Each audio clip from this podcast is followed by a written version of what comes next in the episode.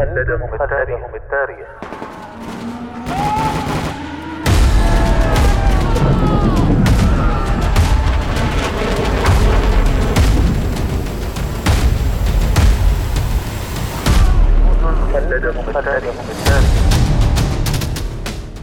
كم يفخر التاريخ العسكري برجال كتبوا سيرهم في سجلاته بحروف من الجهد والتضحية والعطاء. فبقت أسماؤهم خالدة باقية مثالا لمعنى الجندية التي دبت خطواتها كل شبر من أرض الوطن. جنود خلدهم التاريخ. برنامج أسبوعي نتعرف من خلاله على الجنود الذين ضحوا بحياتهم من أجل أوطانهم. يعده الدكتور هلال بن سعيد الحجري ويقدمه الرائد الركن.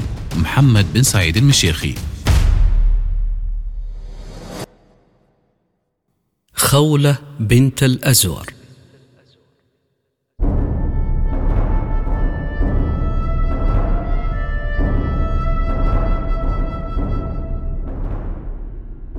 صحابية جليلة وشاعرة متميزة من ربات الشجاعة والفروسية وأشجع نساء عصرها في حمل الرماح ورمي السهام وضرب الحسام وهي أخت الصحابي الجليل ضرار ابن الأزور.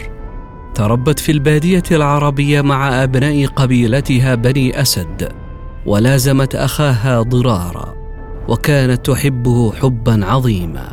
ودخلت الإسلام معه وكانوا مع الكتائب المتقدمة للجهاد في سبيل الله وإعلاء كلمتي الحق والدين.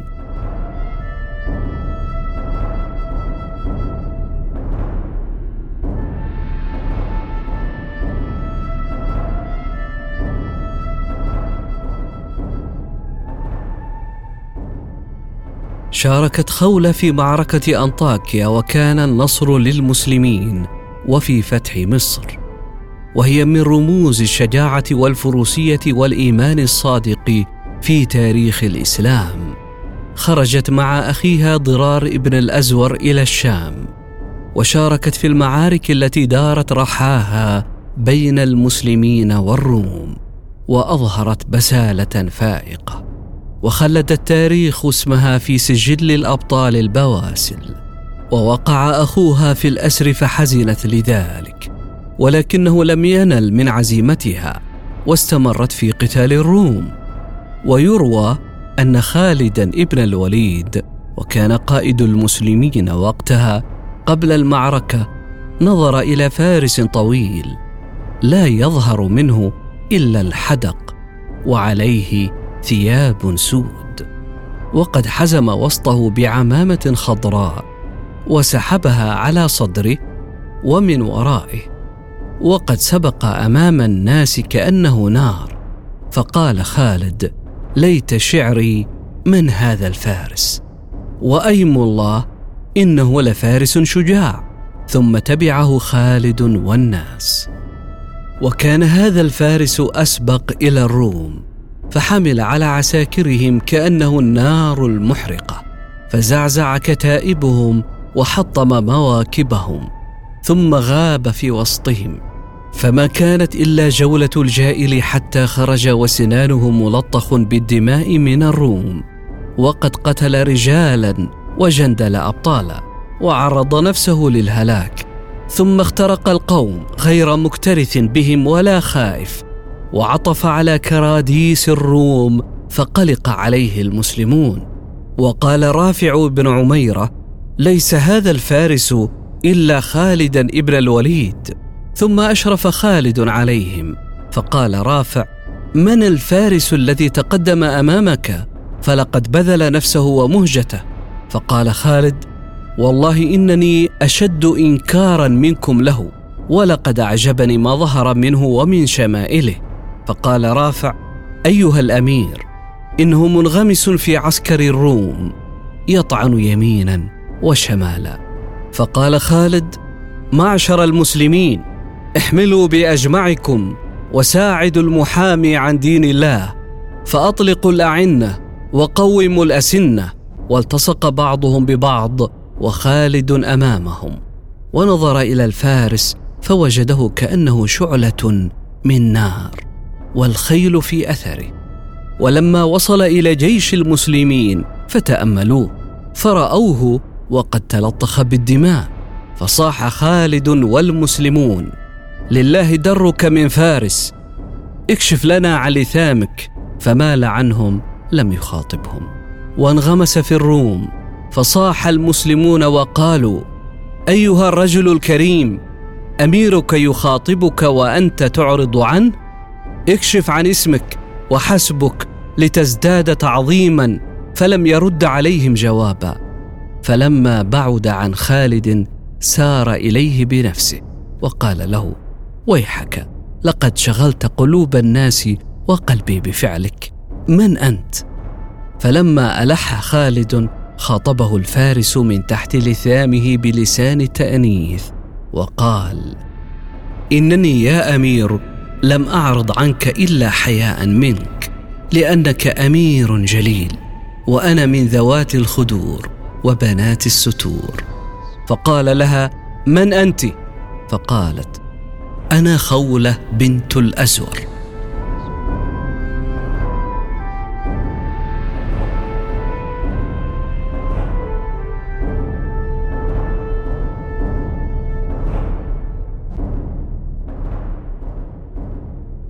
ومن المواقف الشهيرة أيضا التي أظهرت فيها بسالة عظيمة وفروسية نادرة ما فعلته في موقعة صبحورة من أعمال الشام. وقد أسرت النسوة في تلك الموقعه فجمعت خولة النساء وقامت فيهن خطيبة وكانت هي من ضمن المأسورات فقالت يا بنات حمير وبقية تبع أترضين لأنفسكن علوج الروم؟ ويكون أولادكن عبيدا لأهل الروم؟ فأين شجاعتكن وبراءتكن التي تتحدث بها عنكن أحياء العرب ومحاضر الحضر؟ وإني أراكن بمعزل عن ذلك وإني أرى القتل عليكن أهون. فقالت لها عفراء بنت غفار الحميرية صدقت والله يا بنت الازهر ونحن في الشجاعة كما ذكرت وفي البراعة كما وصفت غير أن السيف يحسن فعله في مثل هذا الوقت وإنما دهمنا العدو على حين غفلة وما نحن إلا كالغنم بدون سلاح. فقالت خولة يا بنات التبابعة خذن أعمدة الخيام وأوتاد الأطناب ونحمل بها على هؤلاء اللئام فلعل الله ينصرنا عليهم فنستريح من معرة العرب. فقالت عفراء والله ما دعوت إلا لما هو أحب إلينا مما ذكرت. ثم تناولت كل واحدة عمودا وصحن صيحة واحدة وألقت خولة على عاتقها عمودا. وسعت من ورائها عفراء وسلمة بنت النعمان وروعة بنت عملون ومسلمة بنت زارع وغيرهن. فقالت لهن خولة لا ينفك بعضكن عن بعض وكن كالحلقة الدائرة ولا تفترقن فتملكن فيقع بكن التشتيت. واحطمن رماح القوم واكسرن سيوفهم.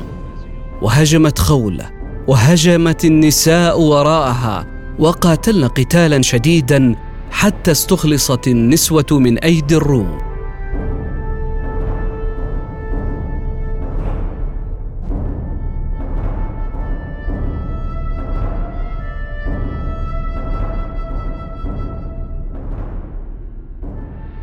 إن خولة بنت الأزور ليست خيالا بل هي شخصية واقعية لها بطولاتها وأعمالها الجليلة.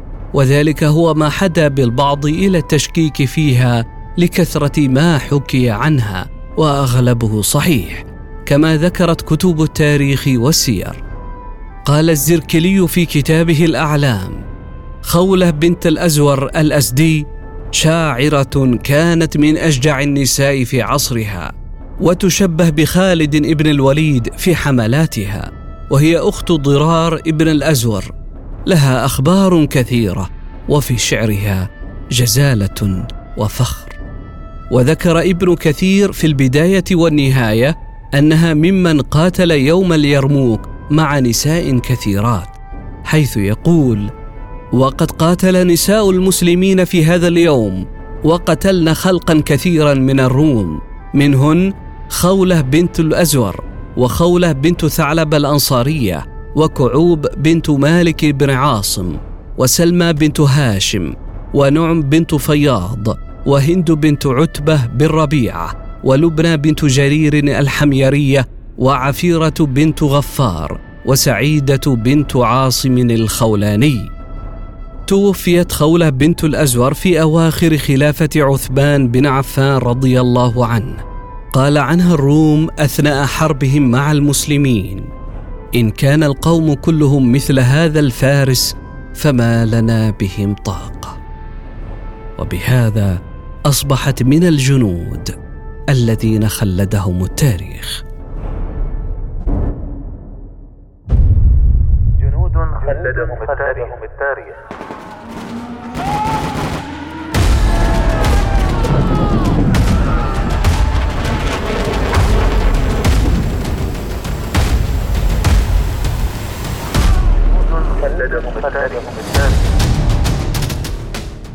كم يفخر التاريخ العسكري برجال كتبوا سيرهم في سجلاته بحروف من الجهد والتضحية والعطاء فبقت أسماؤهم خالدة باقية مثالا لمعنى الجندية التي دبت خطواتها كل شبر من أرض الوطن.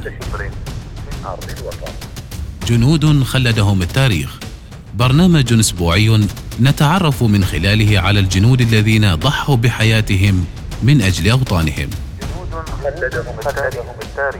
يعده الدكتور هلال بن سعيد الحجري ويقدمه الرائد الركن محمد بن سعيد المشيخي.